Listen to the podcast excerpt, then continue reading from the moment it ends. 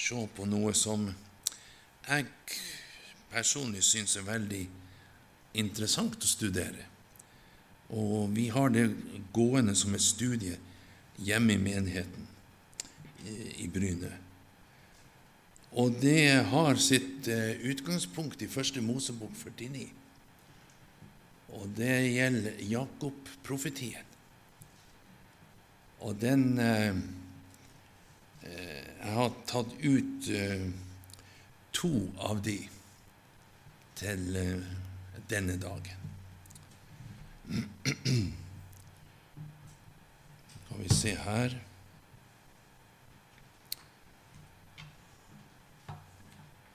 Så har jeg uh, fått meg noe som heter en Macbook. Og det er jo noe voldsomme ting. Der har vi det. Ja. Beklager det her eh, tekniske problemene, men, men. Det ble flott til slutt.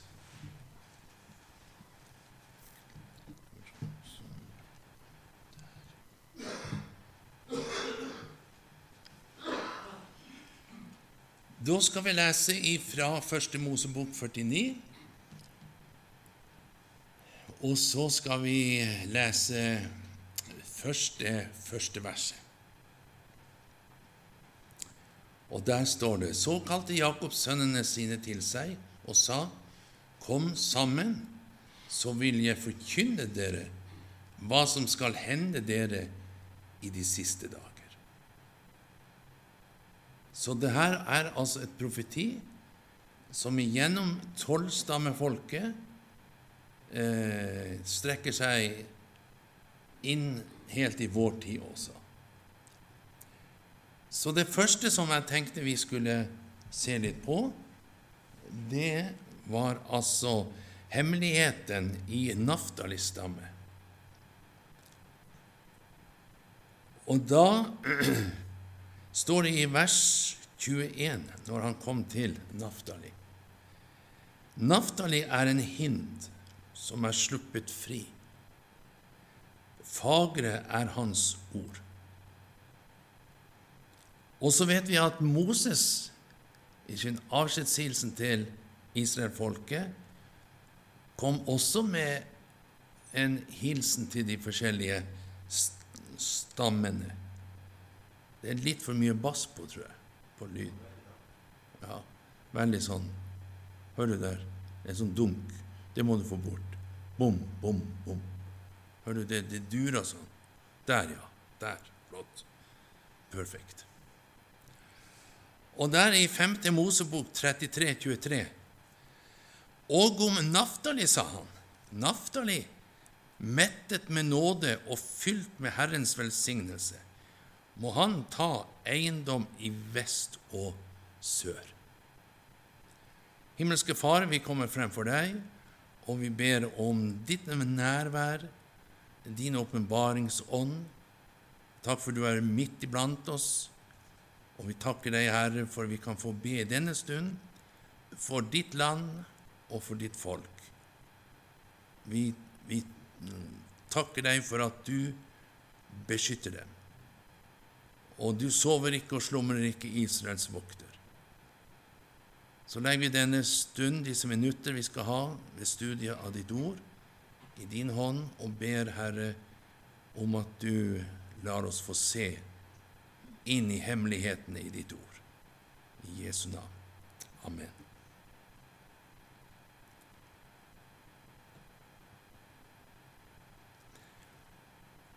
Hvis vi går til begynnelsen av Naftali-stamme, så vet vi at navnet hans det betyr 'min styrkeprøve', vunnet ved kamp. Det er Jakobs sjette sønn. Navnet er jo kommet da ifra foranledningen til denne fødselen og sånn. I Første Mosebok 38 forteller oss at eh, eh, han ble født av Rakels trellkvinne Bila. denne Naftali. Eh, og en eh, som heter Targum Jonathan, pseudo-Jonathan, han hevder følgende at Naftali han var en rask løper, den første som kom til Jakob med nyheten om at Josef var i live. Det hevdes også at Naftali var en av de fem som Josef presenterte for farao, av den enkle grunn at han var en orator, en begavelse i å prate. Hvis vi ser litt på eh, eh, familien til Naftali, så hadde han fire sønner. Bibelen forteller at det var Jasel, Guni, Jeser og Shilem. Eh, Naftali døde ca. 137 år gammel og ble gravlagt i Egypt, altså før de utvandret. Etter utvandringen bosatte da stammen seg i det nordlige Kana. I det nordlige Kana. Eh, karakteristisk for de var at de var modige krigere. Og, og når vi går til eh, tiden som kalles for dommertiden i Israel, så er jo de nevnt som dyktige krigere. For eksempel, du kan slå opp de skriftstedene nederst der. I dommerboken, det fjerde kapittel og det sjette vers, så kommer vi inn på, på eh, det som Debora eh, frembærer. Da, da Ehud var død, gjorde Isas barn igjen det som var ondt i Herrens øyne. Og Herren overgav dem i Jabins, Kanans konges hånd. Eh, det er liksom foranledningen. Han regjerte i Hasor. Hans hærfører var Sisera, som bodde i Haroshoret, eh, Hagojim. Israels barn ropte til Herren, for å Sisera hadde 900 jernvogner, og Israels barn var i hard trengsel i 20 år. Og Debora, en profetinne, Lapidots kone, dømte Israel på denne tid. Hun satt under Deboras palmetre mellom Rama og Betel på Efraimfjellet, og Israels barn gikk opp til henne for at hun skulle skifte rett mellom dem. Hun sendte bud og kalte til seg Barak, Abinoams sønn, fra Kaders i Naftali, og sa til ham:" «Eh, hør hva Herren Israels Gud har befalt. Gå av sted og dra opp i Taborfjellet og ta med deg 10 000 mann av, av Naftalis sønner og av Seblons sønner. Så det var altså eh, mennesker som var dyktige i krig. Og det kjente hun, hun til hvor hun skulle hente dyktige krigere. Og Da henvendte hun seg til den Naftali-stammen og til Sebulons-stammen.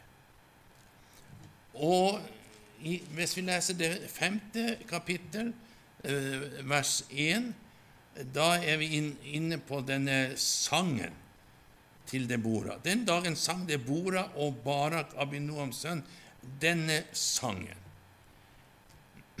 Fyrsten i Israel gikk først i striden, og folket møtte villig fram. Lovsyng Herren. Hør dere konger, lytt til dere høvdinger, osv., osv. Og så går vi til 17. og 18. verset. I Gilad, på den andre siden av Jordan, holdt han seg i ro. Og Dan, hvorfor drøyde han ved skipene? Asher ble sittende ved havets strand. Han holdt seg i ro ved sine viker. Sebelon er et folk som setter sitt liv på spill inntil døden. Likeså Naftali på sine fjell.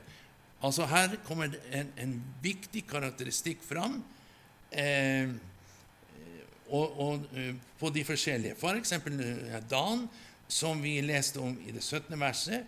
Eh, de var, var eh, godt orientert og, og, og kunnskapsrik når det gjaldt det maritime miljøet. Og Asher de ble sittende ved havets strand, og du vet at profeti om Asher gikk bl.a. ut på at han skal dyppe sin fot i, i, i olje. Eh, så det, det, har med velsignelse å gjøre. Sebulon er et folk som setter sitt liv på spill. Altså, de er eh, fullt overgitt eh, til oppgaven. Likeså Naftali. Når de blir kalt til krig, så gir de hele sitt liv. Det er med livet som innsats. Så det her gir da en, en karakteristikk av hvilke typer det var. Denne Naftali-stamme. Og det, det forgreiner seg jo. Og, og, i hele Israel ser vi for at Israel er, er dyktige krigere. Vi, vi, ser jo konturene av det. det. Det. er jo en av verdens beste militærmakt, Israel. IDF er, er en, en veldig god hærmakt. Hvorfor viser jeg det her bildet? Jo, det er jo tabernakelet. Det er eh, beleiringa. Og, eh, og, hva har det å si i denne sammenheng? Jo, vi skal finne ut hvor de var plassert. For du vet at det var jo en lov, det, at når, når skyen stansa om dagen eller ildstøtten om natten når det skulle, det, Skyen skulle gå foran dem når de skulle være på vandring. Men så når det stansa, så skulle de stoppe opp. Da skulle de parkere. Enten en litt kortere periode eller lengre periode. Og da hadde Moses eh, fått eh, forordninger fra Herren at dere skal eh, gjøre sånn og sånn, og, og tabernaklet skal alltid være midtpunktet. For det skulle symbolisere 'jeg vil bo iblant mitt folk'. Og så ble de da eh, stammevis eh, plassert rundt tabernaklet. Og her har du da eh, oversikten. Og den skjønner du, den, den må du ikke være likegyldig til, for den er veldig viktig. Her ser du Altså, her er da kompassretningene. Eh, Nå er jo vanligvis nord, det er jo oppover. Men her, her, her er det konstruert sånn. Eh, der har vi tabernakelet, og, og, der er da eh, rundt her én, to, tre, fire Det er Levi, altså prestestammen. Eh, og Moses, Aron og sønnen. Og så har vi i, i syd Gad, Simon og Ruben. I nord Dan, Asher og Naftali. I vest Benjamin, Manasje og Efraim. Og i sør eh, Nei, jeg mener i, øst så var det Sebulon, Isakar, Juda og Ruben. Og det er en hensikt med den plasseringa. Og jeg tror det du møter her en, en, en profetisk mening. Uh, for du skal se uh, Vi må, må også ta en titt på plasseringen i tabernaklet. Og da er du klar over at her, her har vi øst, for de skulle gå inn i tabernaklet fra øst og vende seg mot vest. Og da blir jo nord her oppe og sør der nede. Og som vi så Det funka ikke alltid, det her. Så er det tre stammer som er plassert i nord. Og den stammen som vi har forhold nå, eh, Naftali, den er altså plassert i nord. På samme rett, kompassretning så skubrødsbordet står. Og skubrødsbordet, det eh, symboliserer jo Kristus det levende brød, ordet, symboliserer skuebrødsbordet. Og hvis vi går videre her, så, så ser vi jo hvordan de var plassert på kartet. hvilke områder i løfteslandet de har fått til, eh, tildelt. Og det var i nord. Disse tre stammene og Naftali, som er vårt eh, tema nå, det er plassert innenfor den røde grensen der. Eh, tett Genesarets sjø. Eh, I nordvestlig retning. Ja. Legg merke til det. Vi skal komme tilbake til det. For der skjuler det seg en hemmelighet. Nemlig Ok. For det andre så skal vi se at det var forskjellige særtrekk ved Naftali. Vi leste Naftali er en hind. Han taler vakre ord. Hva vil det si? Jo, det vil si at han er årvåken. Han er årvåken. Han er rask, han er frittalende og har poetiske eller oratoriske ferdigheter. Det er viktig å legge merke til. Ikke minst i det som skulle særprege han for resten av tiden og fremover. Under dommertiden så markerte denne stammen seg. De markerte seg, som jeg sa innledningsvis, som dyktige krigere. For eksempel, hvis vi slår opp i Dommerne 7, så leser vi historien om Gideon. Og Gideon tilhørte den stammen. I vers 23.: Israels menn av Naftali og av Asher og av hele Manasje ble så kalt i våpen, og de forfulgte midjanittene. Så de var med i denne forsvarskrigen. Vi støter på Naftalis stamme ved byggingen av Salomos tempel. Og Da kan vi slå opp i første, i første kongebok, kapittel 7.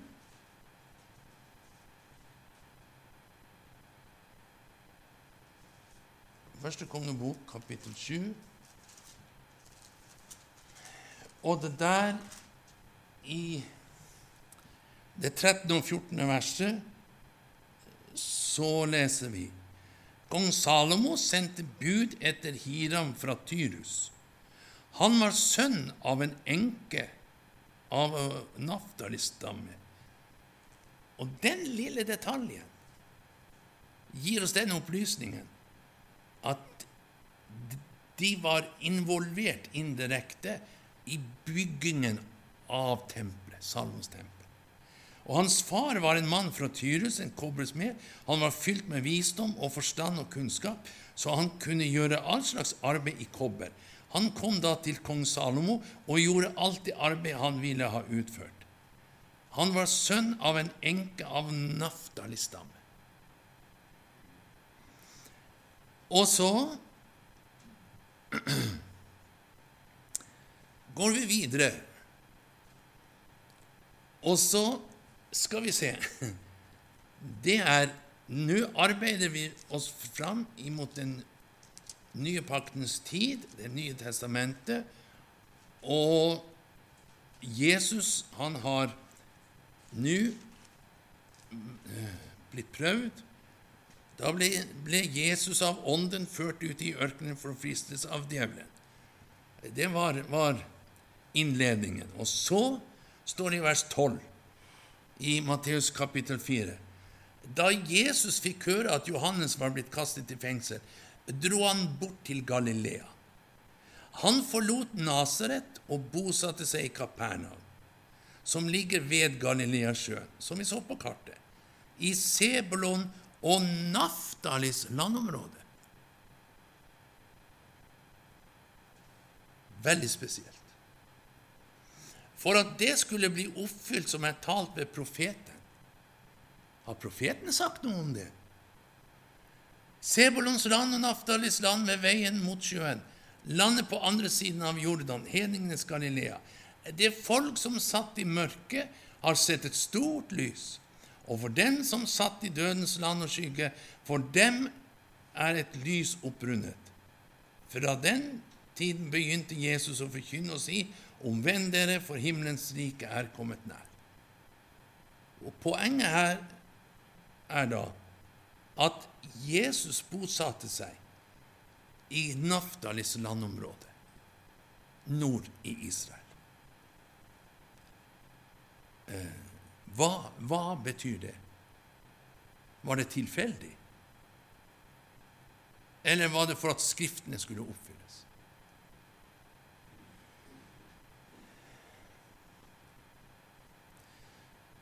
Vi gjenkjenner eh, profetien av Jakob. Profetien av Jesaja oppfylles her.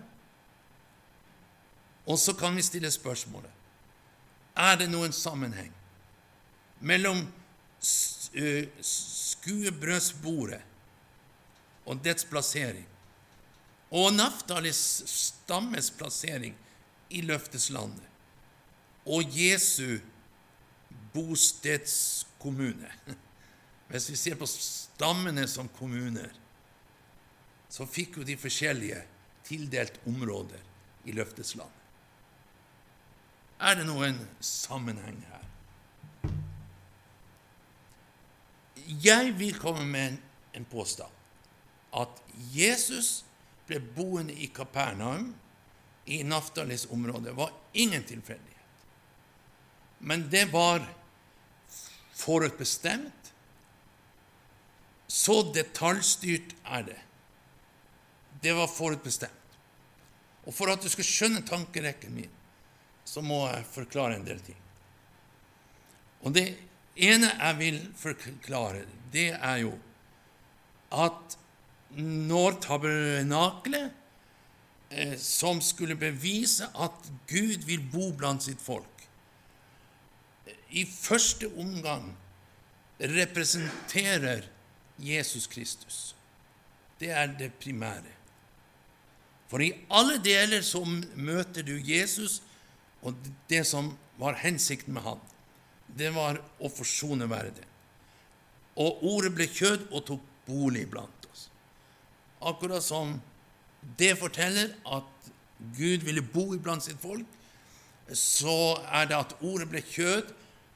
Hvorfor? Jo, for at det skulle fortelle at Gud elsket verden så at han gav sin sønn.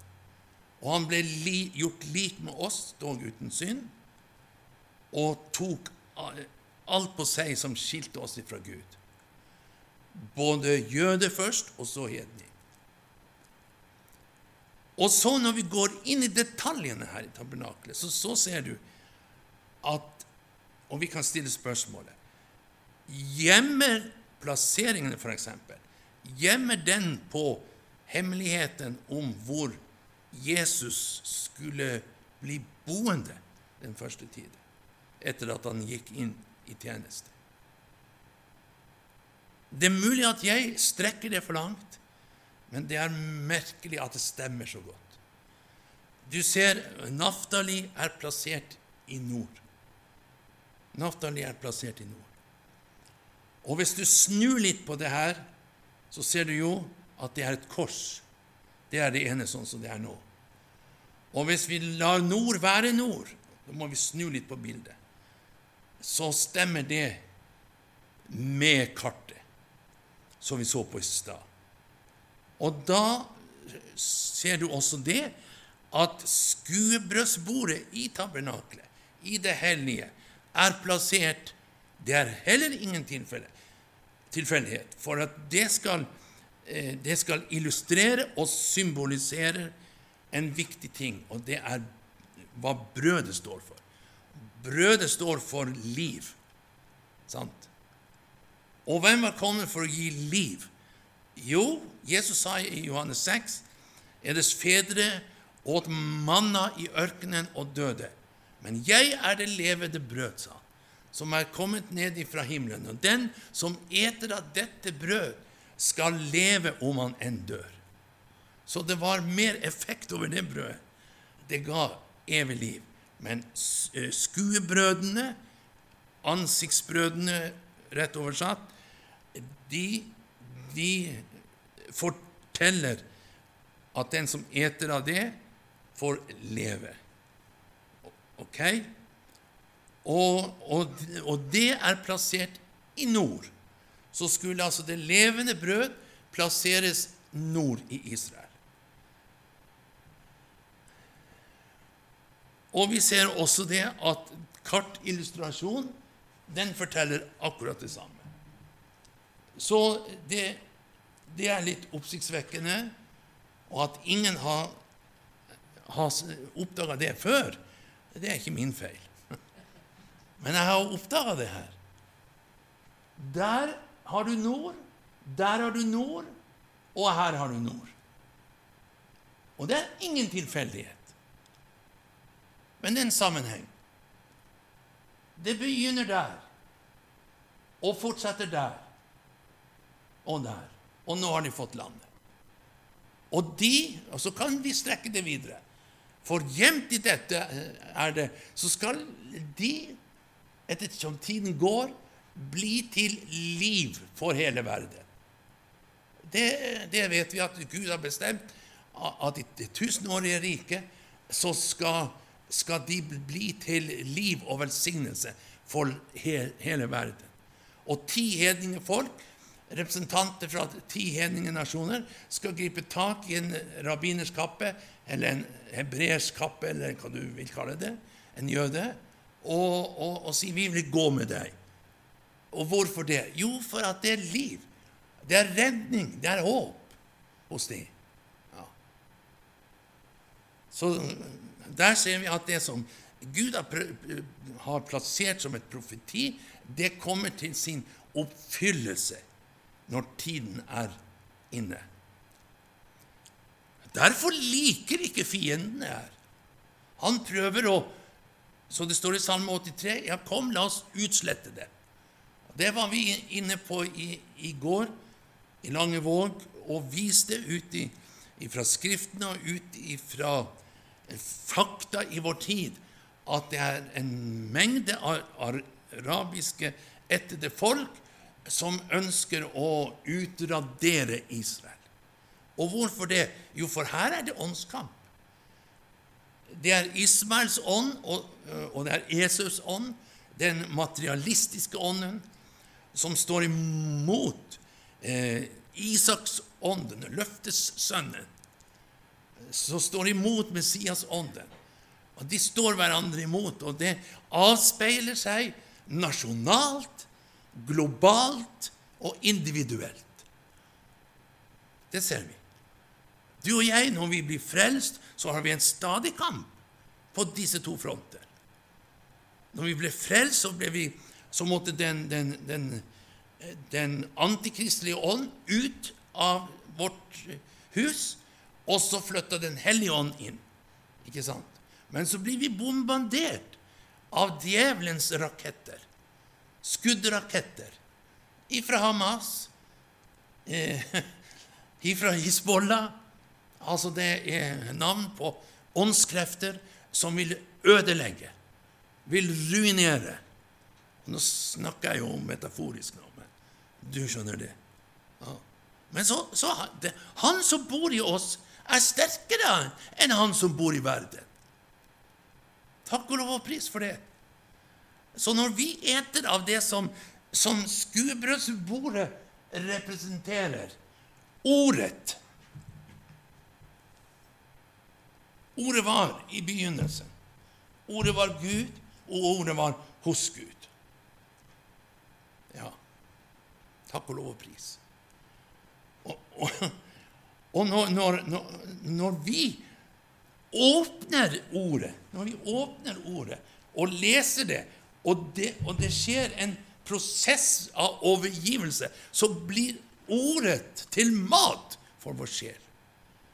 Og det blir til mat for vår sjel på den måten at det er som et såkorn som dør, og så vokser det opp noe nytt. Og, og, og du kan si at, at i den prosessen så, så, dør vi. Vi dør ved Den hellige ånds kraft som hjelper oss til det. Og så blir vi overgitt til det nye livet. For hvis ikke hvetekornet faller til jorden og dør, så blir det bare det ene korn. Men hvis det dør, så blir det mangfoldiggjort, multiplisert. Hvordan skal vi bære frukt for Gud? Jo, det er en dødsprosess. Det er en dødsprosess. Og vi satt og snakket om her hos våre venner Larsen om hvordan Gud hadde grepet inn på forskjellige ting. Og det, det, og det gjorde han uten at vedkommende var egentlig klar over det. Ja. Og det, det, det, ble så godt for meg. Gud er ikke avhengig av at vi skal skjønne og, og, og, og, være klar over alt han gjør. Han handler allikevel ut ifra det som er hans vilje. Ja. Så, så overgitt må vi være. Hvorfor skjer det så lite, sier du? Jo, det er fordi at vi bryr oss for mye. For vi vil ha æra. Men det er han som skal ha æra. Det er han som skal ha æra. Gudskjelov og takk for det.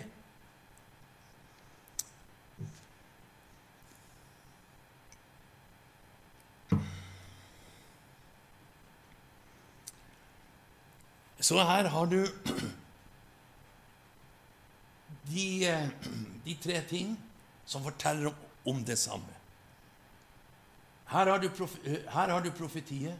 Der først, og der, og der, og der er oppfyllelse. Ikke sant?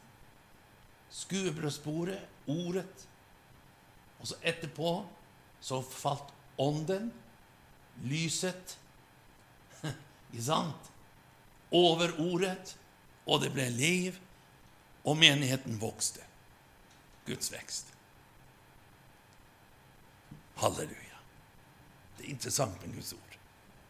Men så ser du sånn konkret så har Gud satt sitt avtrykk på den måten på kartet. Han har plassert de som var representanter for, for det som skulle prege Israel, blant annet. For hver stamme har sin, sitt særpreg. Og Gud har plassert det der han vil, og så skal vi se i neste time, så har han plassert noe veldig interessant på, på veldig sentrale områder på kartet. Så gudskjelov og takk. Her er oppfyllelsen. Kunstnerisk gjengitt. Jeg tror ikke Jesus så akkurat sånn ut. da. Men det er uinteressant på en måte. For vi har fått opplevd han i ånden.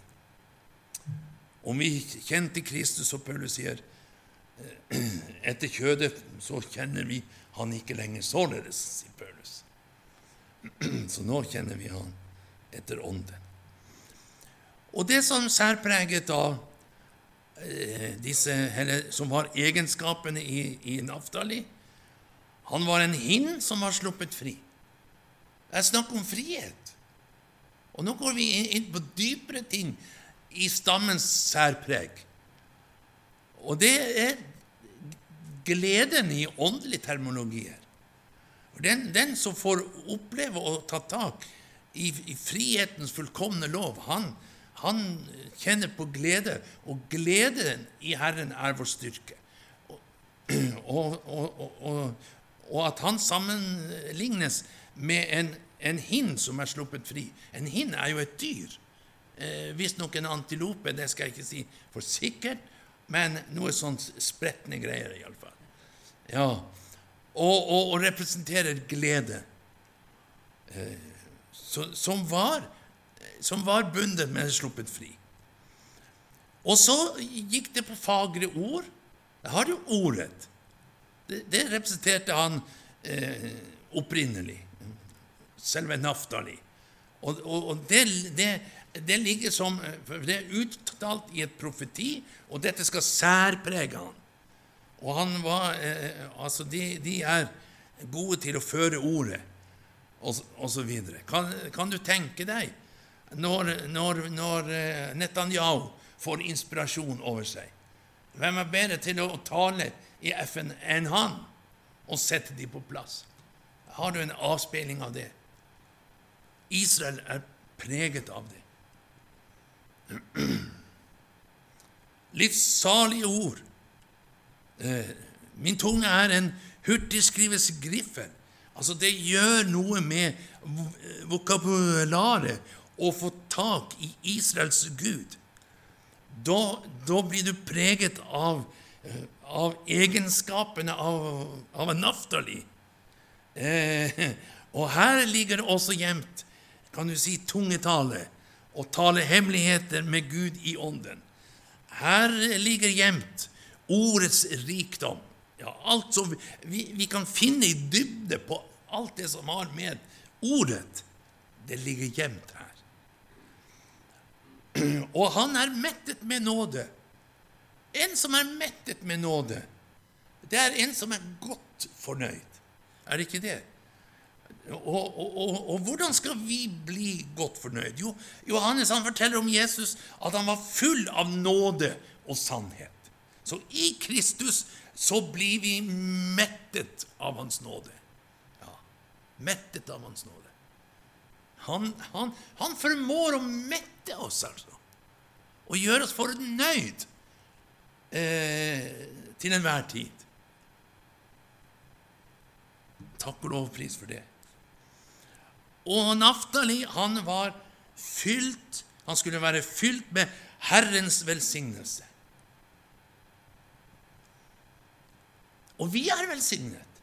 Her ser vi Israel er velsignet. De skulle få oppleve å komme til dette land. Og, og, og, og det, det oppsiktsvekkende er at området i nord i Israel er veldig fruktbart. Alle disse tre stammene som var plassert der i området ved Genesaretsjøen, de fikk del i det. Det, det er den, den, den, fysiske oppfyllelsen av det her. Den konkrete oppfyllelsen. Gud har plassert dem der. Det var sagt på Jakobs tid og gjentatt av Moses.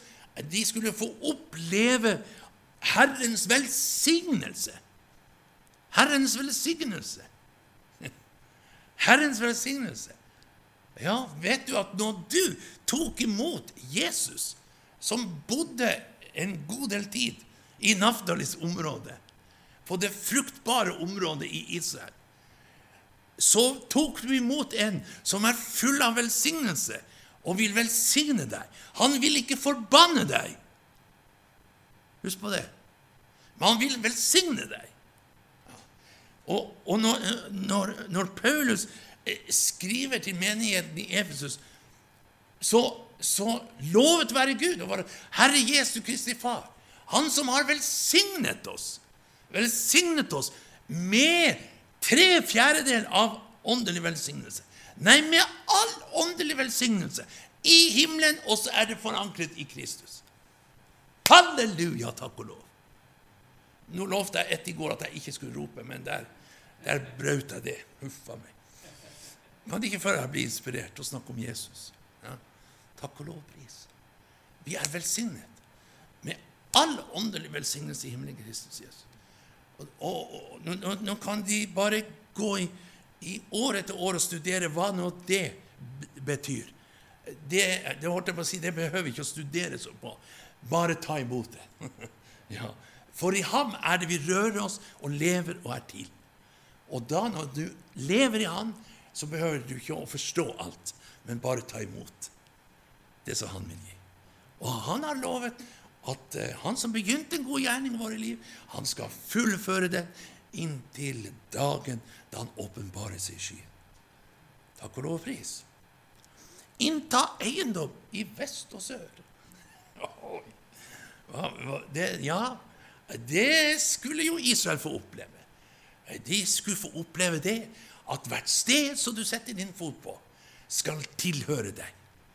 Ja. Og det har de opplevd. De, de var på fremmarsj.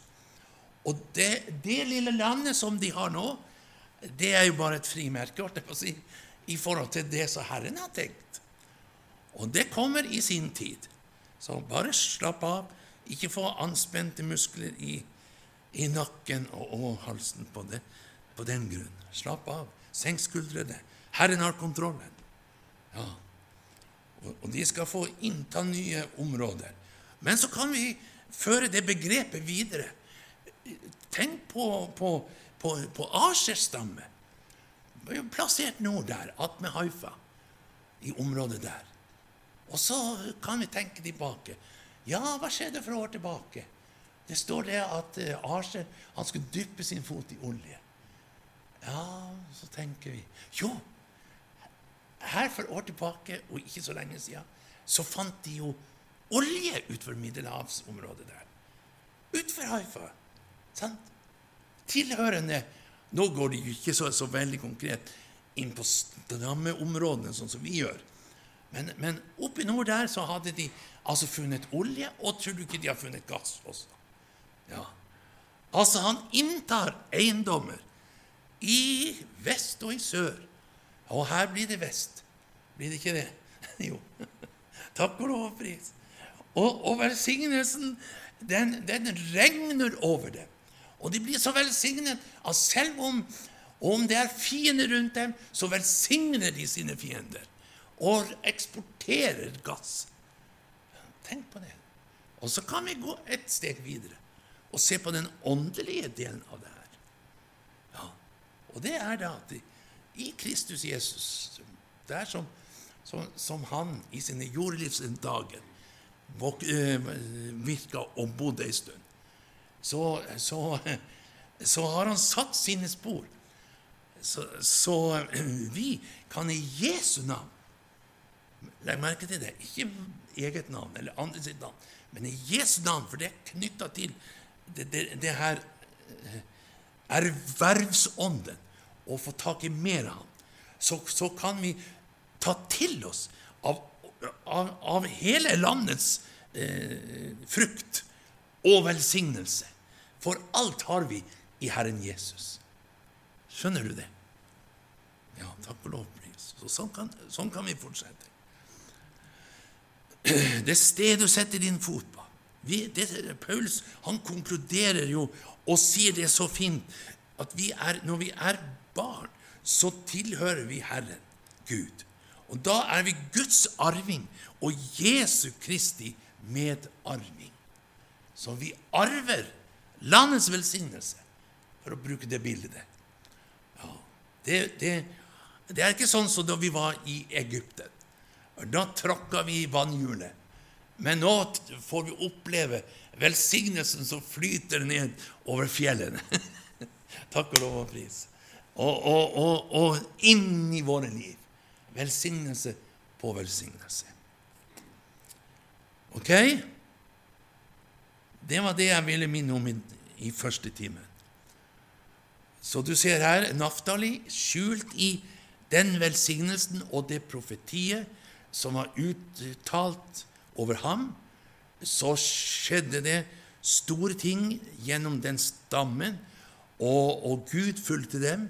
Og så får det forgreininger til hele jødefolket, og også eh, siden vi er podet inn i, dette treet, oljetreet, så, så, får vi også oppleve noe ut av det samme. Takk og lov og pris. Og så skulle vi vel ta en pause nå. Skulle vi ikke det? Og så fortsetter vi etterpå. Takk og lov. Jeg sier ammen da.